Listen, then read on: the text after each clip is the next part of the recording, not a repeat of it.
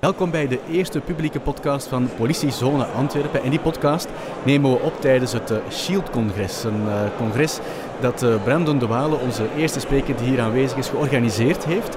En ook, ja, ik mag wel zeggen, de bezieler is van, van Shield. Leg mij in eerste instantie eens uit, wat is eigenlijk Shield? Ja, dus Shield gaat over de samenwerking tussen politie en publieke sector, private sector, publieke sector. Wij merkten als afdeling Intel van de politie Antwerpen dat wij, wij willen zoveel mogelijk informatie vergaren. Intel, intelligence. Nu, Shield helpt ons daarbij om nog meer te gaan optimaliseren naar Intel. Waarom dan? Om eigenlijk het bestrijden van terrorisme, extremisme en radicalisme te gaan voorkomen. En kan iedereen zomaar aansluiten of hoe zit dat?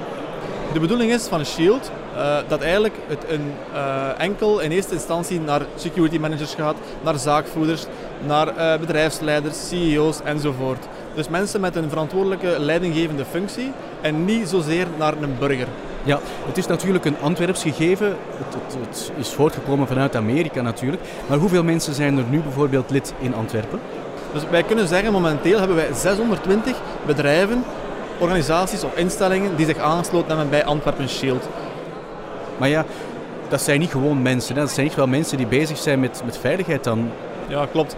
Dus als we dan uh, de, de lijst gaan bekijken, gaat dat echt over uh, mensen, zaakvoerders van handelszaken, naar uh, grote petrochemische bedrijven, naar bedrijven uit de diamantsector, naar scholen, naar instellingen enzovoort. En is dat dan iets vrijblijvend of gaan die leden gaan die een soort van engagement aan met de politie?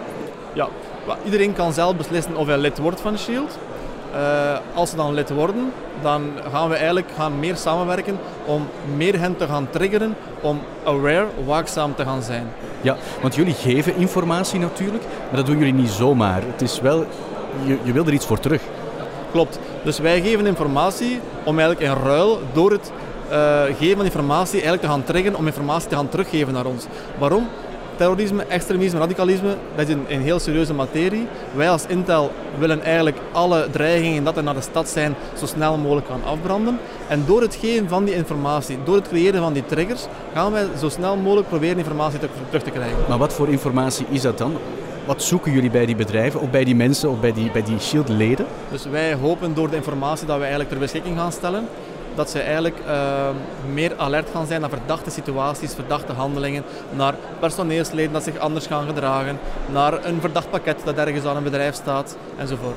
Maar voor alle duidelijkheid, het zijn niet de gewone mensen die zich aansluiten, of is dat wel zo? Nee, het zijn niet de gewone mensen. Dus het zijn mensen met een leidinggevende functie uh, dat kunnen lid worden van SHIELD na een registratieproces en een verificatie door onze analisten van de afdeling Intel Politie Antwerpen. Ja, maar niet met zekerheid van leden van grote bedrijven. Hè? Want je kan bijvoorbeeld als, als, uh, als een schooldirecteur of, of eender wie, kan je wel aansluiten. Want daar zit wel een bepaalde doelgroep.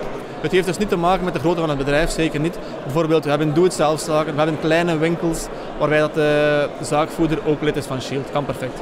En vanaf wanneer kan je zeggen dat het Shield-netwerk een succes is? Want jullie zijn nu een jaar bezig.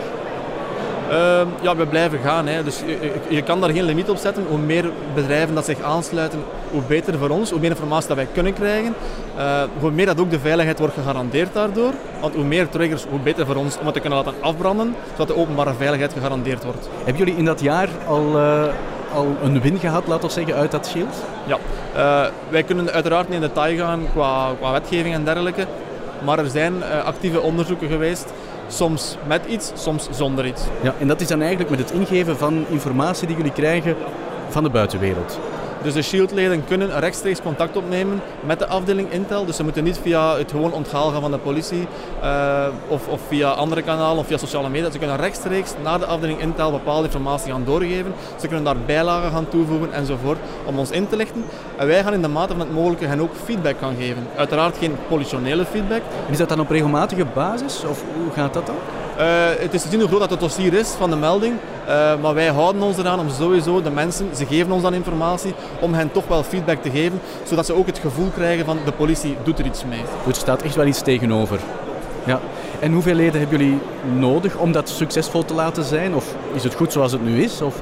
Nee, uh, zoveel mogelijk. Wij gaan nu met het tweede luik dat we lanceren, het educatieluik, gaan we eigenlijk nog meer roadshows gaan organiseren naar bedrijven, naar koeporganisaties, om nog meer uh, mensen te gaan aantrekken om Shield te kunnen gaan worden. Ja, Brandon heeft ons net verteld wat het Shield-netwerk exact inhoudt. Maar is een Shield-netwerk wel nodig? Dat vragen we aan Paul van Tichelt uh, van het OCAT. Welkom uh, meneer van Tichelt. Ja, zeg eens, is het zinvol om zo'n Shield-netwerk, want het is een netwerk, om dat op poten te zetten?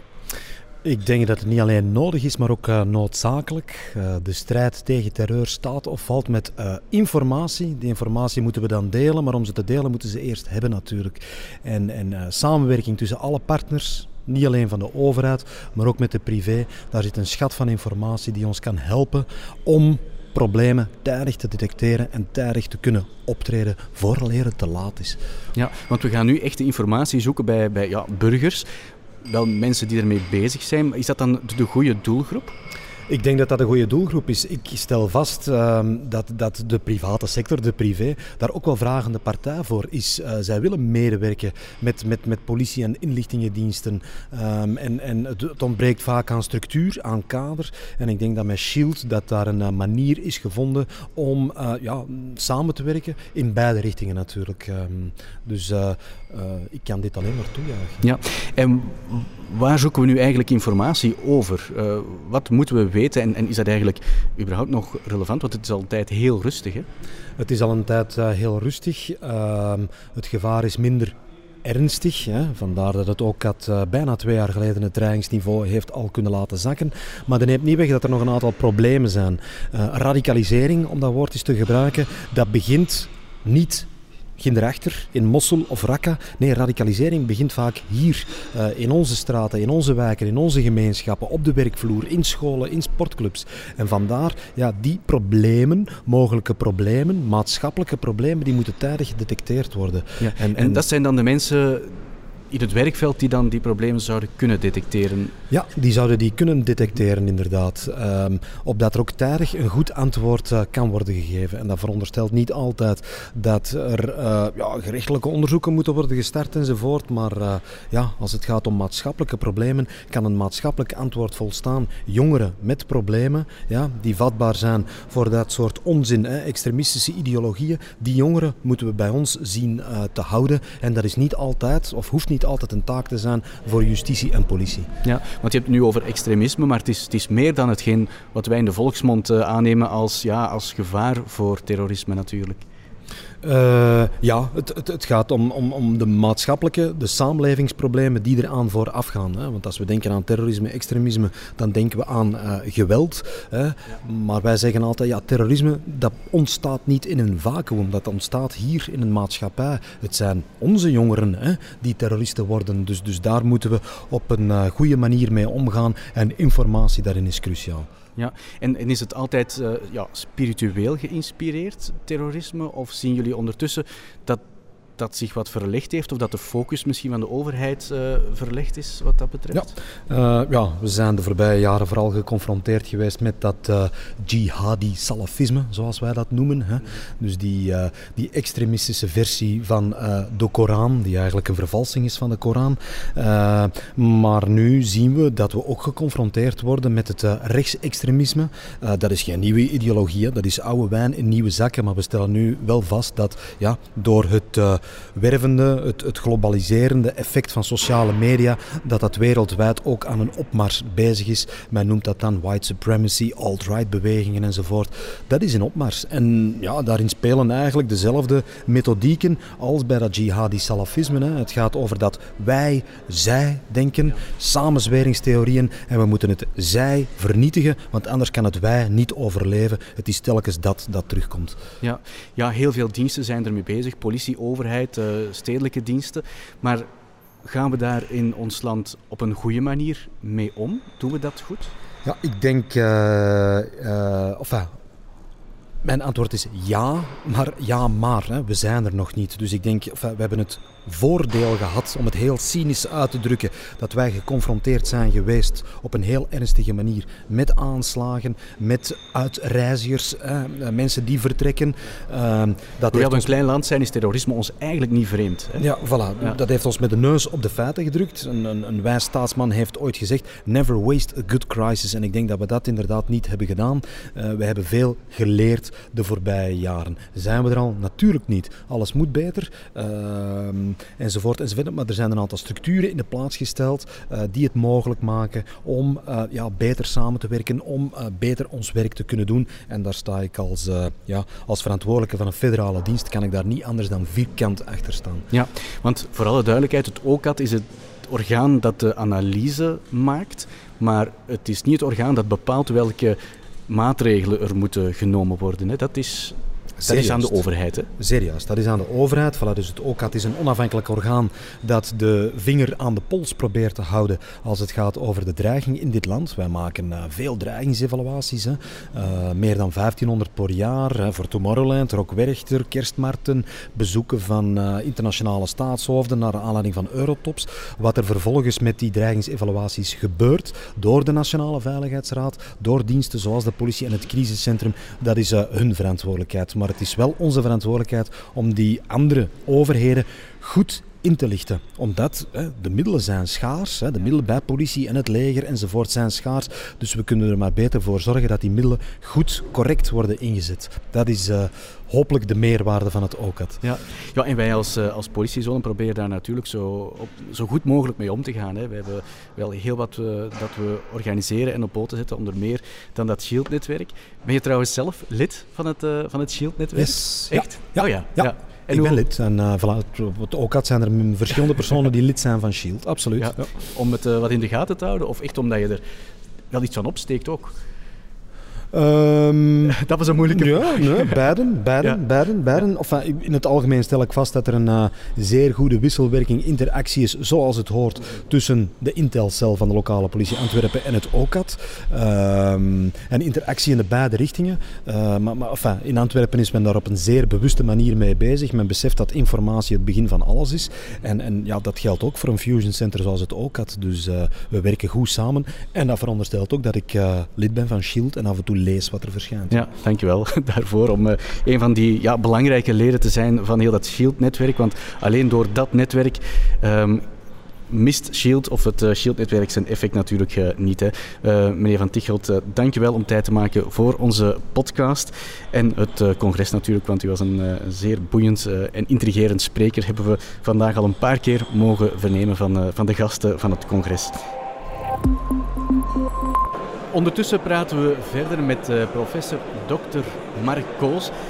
Ja, u bent een hoogleraar in de criminologie aan de Universiteit van Gent. Hè? Dat is niet in Antwerpen, maar... Nee, juist. Dat is ook omdat de Universiteit Antwerpen geen opleiding criminologie heeft. Uh, ah, oké. Okay. Zo zijn. Ja. welkom uh, op Dank het congres u. en welkom alleszins op de podcast. Ja, u heeft het congres al voor een groot stuk meegemaakt. Wat vindt u nu eigenlijk ja, van SHIELD als je dat zo bekijkt? Ik denk dat, net zoals in het verleden, en dat mag toch ook wel eens herhaald worden, dat lokale politie Antwerpen zeer vaak een voorloper is geweest. En ik denk wat zeer belangrijk is, is dat de politie Antwerpen die voorloper niet alleen op het niveau van technologie uh, is, maar toch ook wel dat het belang, en het zat in de traditie, dat politie Antwerpen met informatie opging, criminele informatie, later ook uh, informatie met het oog op de ordehandhaving. En dat we toch wel een hele switch zien naar het intelligence verhaal. Met andere woorden, naar het inlichtingenverhaal. En wat is zo eigen aan inlichtingen? Dat je informatie moet inwinnen, maar een stap verder gaan. Dat je die ingewonnen informatie ook moet durven analyseren, opnieuw vragen te stellen, waardoor die initiële informatie verrijkt wordt. En met die verrijkte informatie kan je natuurlijk zeer veel doen. Ja, wat u nu aanhaalt is eigenlijk het concept van SHIELD. Hè. We halen de informatie bij de mensen, bij de burgers, ja, en we gaan het analyseren. Dus eigenlijk uh, zegt u dat we dat wel goed doen. Ja, om, omdat ook uh, men ingestapt is in de logica. Het model sinds 1999, ons veiligheidsmodel om het zo te noemen, is de integrale veiligheidszorg. En binnen die integrale veiligheidszorg heb je de klassiekers van criminaliteit, maar nu ook meer en meer bedreigingen. Denk aan uh, terrorisme. Wat belangrijk is, is die publiek-private samenwerking. Dat men hier binnen Shield ook ziet ja, dat het bedrijfsleven belangrijk is en bij uitbreiding ook uh, de burger. Om dan toch wel te komen tot die integrale aanpak. Hè, ook met andere partners. Als je ziet wie allemaal op het uh, congres gesproken heeft, dan is het niet louter een politieverhaal.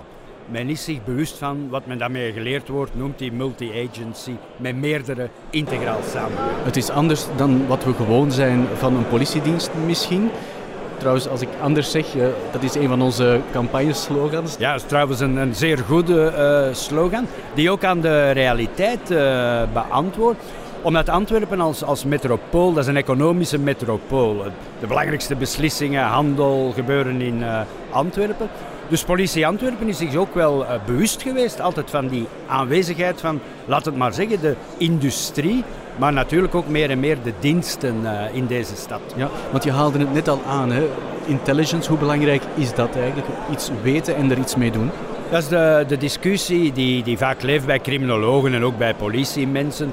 Laat men maar criminaliteit plegen en we zullen de daders wel vatten.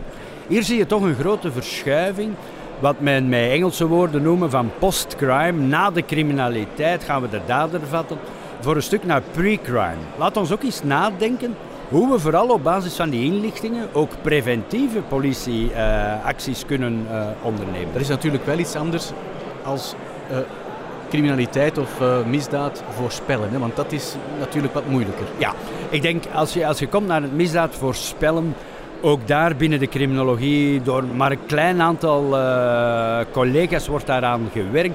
En dan hoor je vaak de, de, de kritiek van, ja dat is het Minority Report, hè? Een leuke film dat men preventief mensen gaat aanhouden. Dat is natuurlijk niet de bedoeling. Maar het voorspellen van criminaliteit, zeker met wiskundige modellen, we moeten er toch altijd van blijven uitgaan dat crimineel gedrag, bedreigingen, dat dat menselijke gedragingen zijn die zich niet altijd laten vatten in wiskundige algoritmen. Nee, dus je kan beter inzetten op het verzamelen van informatie. Men kan zich daar inderdaad beter op, uh, op alle vlakken ja, en daar dan iets mee doen. Dat is wel belangrijk natuurlijk. Ja. Het niet laten niet laten liggen, er dingen mee uh, doen. Als je ook kijkt naar het aantal leden al binnen die, die Shield aanpakt, dat gaat alleen maar uh, toenemen. Een belangrijk gegeven, ook de wereld is aan het veranderen. Ja, wij zeggen vaak in Antwerpen, we zijn het centrum van de wereld, maar wij zijn wel een zeer belangrijke metropool, ook vanuit een globaal oogpunt. Zeker door de aanwezigheid van de haven, de industrie, ook de diamantsector, veel uh, diensten. En dat je dan moet durven gaan naar die internationale aanpak. Samenwerking met New York, met Singapore, met Baskeland. Uh, ja, die uitbreiding, ik ga ervan uit dat die uitbreiding zich ook gestaag gaat verder zetten. Want daar starten we mee natuurlijk. Hè. We gaan nu uh, de Basken mee over de lijn trekken. We gaan hen begeleiden om dat Shield-netwerk uh, ook daar te ontplooien. Um, maar dat is natuurlijk een van de vele stappen die nog moeten genomen worden. Want we moeten zo zo breed mogelijk gaan. Maar ik denk dat Antwerpen, de burgemeester heeft er naar verwezen, naar het aantal nationaliteiten dat van oudsher in Antwerpen aanwezig is geweest. Ja, dat dat ook het ideale platform is als stad om die internationale contacten verder te gaan uh, gebruiken. En wanneer Antwerpen daar ondersteuning kan ingeven, het initiatief kan nemen, dan denk ik dat, dat Shield ook per definitie, wat het nu al is, een succes, maar nog een groter succes gaat worden. Ja. Wat ziet u eigenlijk als de, de grootste bedreigingen voor ik een denk stad de als grootste Antwerpen? bedreiging voor een stad of Antwerpen, ik denk dat de bedreigingen, ik heb daar ook naar verwezen, we moeten niet in hokjes blijven denken. Denk aan de fusie georganiseerde misdaad, terrorisme. Denk aan de fusie, georganiseerde misdaad, terrorisme, extremisme. Dus nieuwe fenomenen, globale fenomenen komen op ons af. Maar ik denk dat Antwerpen en met de lokale politie letterlijk en figuurlijk goed gewapend is om die uitdagingen uit aan te gaan. Maar dat het globale aspect toch wel de grote uitdaging blijft.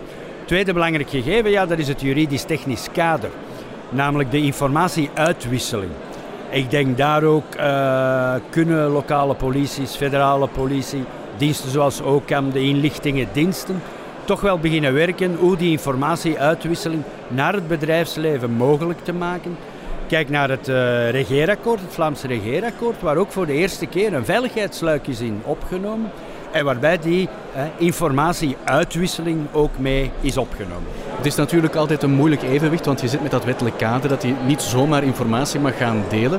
Nu, Shield baseert zich op ja, open bronnen die, die gevalideerd worden. Is dat dan eigenlijk de weg die we moeten inslaan? Ik denk dat open bronnen, wat men in het Engels OSINT, Open Sources Intelligence, ja, dat is een eerste stap natuurlijk.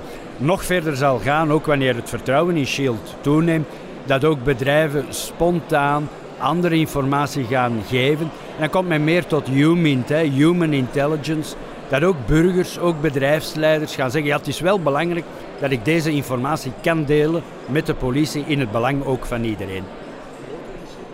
Uiteraard geloof ik in uh, Shield Antwerpen, dat is de evidentie uh, zelf.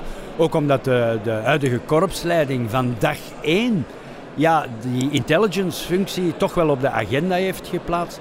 En zoals aanvankelijk gezegd, men is daar ook in gelukt qua concept intelligence, maar ook ondersteund door, door een prachtige technologie die erachter zit. Ja, en als je ziet, op dit congres, eh, een paar honderd mensen zijn erbij aanwezig. We hebben meer dan 620 leden al. Ja, dat wil wel zeggen dat er ook een soort gevoel of een soort noodzaak is gerezen bij degenen die zich lid hebben gemaakt hebben en bij, die, bij de industrie. Die, die nood is al, al lang aanwezig. Er zijn verschillende initiatieven geweest, vaak vanuit het bedrijfsleven.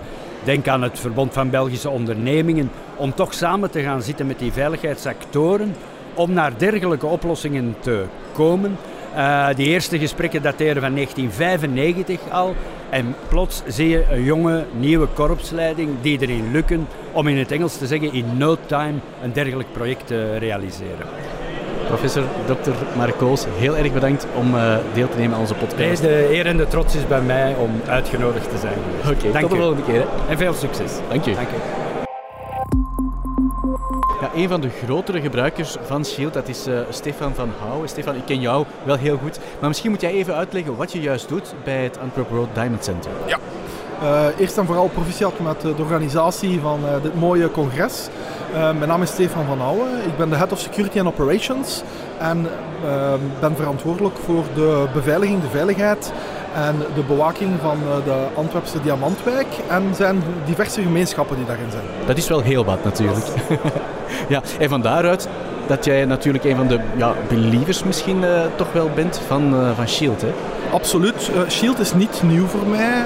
Um, in een vorig verleden heb ik op de Amerikaanse ambassade gewerkt, waar dat het SHIELD-project ook al door het NYPD werd geïntroduceerd. Dus vooraleer dat Antwerpen daarmee begonnen is, kende ik het al en begreep ik absoluut de grote toegevoegde waarde van het, het SHIELD, het SHIELD-concept. Ja, en wat is die toegevoegde waarde dan voor jullie als Antwerp Diamond Center? Uh, zoals de collega's van NYPD dat eigenlijk heel goed hebben samengevat. Uh, in eerste instantie uh, geeft het een, een platform om op een directere wijze met de lokale politie in contact uh, te komen um, en de juiste mensen te ontmoeten om informatie langs twee richtingen uh, uit te wisselen. Ik denk dat dat de grootste verdienste is van, van Shield. Het brengt de politie veel dichter bij de personen die verantwoordelijk zijn voor, voor veiligheid en beveiliging en bewaking. Ja, dus jij trekt die mails binnen, jij krijgt die informatie, berichten van de politie en daar doe je dan ook echt iets mee? Of?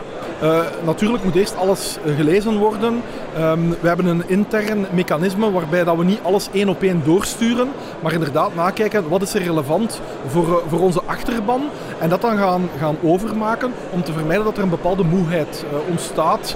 Um, dat ze zeggen, oké, okay, dat is niet relevant voor mij, gaan ze dan niet lezen en we weten dat vanuit een menselijk perspectief op een bepaald moment als je overladen wordt, dat je daar helemaal niet meer naar gaat kijken en dat willen we tegengaan. En vandaar dat er een soort preselectie is en dat wij dat dan overmaken aan onze achterban. Want wat relevant is voor een bedrijf in de haven is daarom nog niet per se interessant of relevant voor jullie. Hè? Ja. Voor mij persoonlijk misschien wel uh, heel interessant, maar niet altijd relevant voor, uh, voor, de achterban. En om een information overload te vermijden, wordt daar ook wel in, in geselecteerd. Maar het staat natuurlijk iedereen vrij om ook los van, van ons mechanismen om zich lid te maken van, van Shield. Ja. Zijn er echt zaken waar dat jullie al mee aan de slag zijn gegaan die in de mailbox zijn beland? Um, de, de nota die verschenen is over radicalisering, extremisme en terrorisme, daar hebben we inderdaad iets mee gedaan. En dan de verschillende analyses als er, als er aanslagen gebeuren, omdat natuurlijk dat leeft. Um, en dan is het goed om uh, contextuele, geverifieerde informatie te krijgen met de, de, de stempel van de politie erop. Dat geeft een zeker vertrouwen ook aan de mensen, los van de berichtgeving in de, in de mainstream media. Ja. En wat er nu eigenlijk op tafel ligt, hè, dat is de fase 2, het educatieve luik enzovoort. Is dat iets waar dat jullie al direct een weg mee weten, wat jullie daarmee gaan doen? Uh, absoluut. Uh, de politie had mij voorafgaandelijk al geïnformeerd over ja, de, de, initiatieven. Dat ja. mogen de mensen natuurlijk ook weten. Hè. De, de politie en, en Antwerp World Diamond Center, die beveiliging. Er is wel meer contact dan alleen maar SHIELD. Hè. Ik denk dat we dat ook nog moeten meegeven. Ook, wij geven zelf ook opleidingen, onder andere ook aan uh, verschillende politiediensten. Maar uh, ook hier weer geeft je een extra cachet, gewicht aan de opleidingen die bijvoorbeeld gaan georganiseerd worden. En nogmaals, je komt veel dichterbij, je kan je netwerk nog beter uitbouwen en in twee richtingen informatie krijgen en ontvangen, want er zit absoluut ook iets in voor jullie, namelijk dat jullie meer informatie gaan, uh, gaan krijgen die dan kan geanalyseerd en op geageerd worden. Ja, nu het, uh, het nieuwe document dat aangeboden wordt voor de onthaalfuncties, hè, voor bijvoorbeeld een bommelding, heb je dat al eens kunnen bekijken of was het nu volledig nieuw? Um, ja, het concept aan zich zelf niet. En er zijn verschillende van die, van die documenten uh, beschikbaar, maar heel vaak zijn die um, veramerikaanst. Uh, en hier heb je dan het voordeel dat het in het Nederlands is uh, en ook weer aangepast aan de lokale context hier in, in Antwerpen. Dus dat is zeker een document dat wij ook gaan verspreiden en gebruiken binnen onze achterban. Ja, het is eigenlijk een document dat, uh, dat uh, onthaalmedewerkers in staat stelt om meer informatie te detecteren als ze bijvoorbeeld een bommelding binnenkrijgen. Dat het niet alleen om de boodschap gaat, maar ook over wat er op de achtergrond bijvoorbeeld te, te horen valt. Hè. En die informatie kan dan inderdaad zeer nuttig zijn voor de analyse en de actie. Was men daar tot, tot nu toe misschien minder mee bezig als onthaalmedewerker of telefoniste of zo? Um, specifiek voor in de Diamantwijk uh, is dat een, een, dreiging die wij opgenomen hebben in ons dreigingsbeeld. En daar worden ook specifieke trainingen voor gegeven. We hebben ook een document, maar ik moet zeggen, uh, jullie document ziet er beter uit. Dus we gaan het oude document vervangen door het nieuwe document. Dat is geweldig tof. Dank je Stefan dat je hebt aangesloten als spreker bij Shield, maar zeker hier uh, bij de podcast. Dank dat is heel graag gedaan. Dat is heel graag gedaan. Veel succes nog. Dank je. Uh, we hebben het nu vooral gehad over hoe Antwerpen Shield het voorbije jaar werkte. Maar we gaan nog een stapje verder. Brandon, jij bent er opnieuw bij komen staan. Wat mogen we verwachten van ja, de tweede fase van Shield? Ja, dus de tweede fase dat we vandaag op het congres gelanceerd hebben, gaat eigenlijk het educatieve luik. Dus wij gaan online voor de Shieldleden gaan wij instructievideo's gaan aanbieden. Dat zijn korte video's om mensen nog meer op een korte tijd te leren uh, meer waakzaam te zijn om bepaalde triggers te creëren om onze informatie te kunnen gaan doorgeven dat heel belangrijk kan zijn.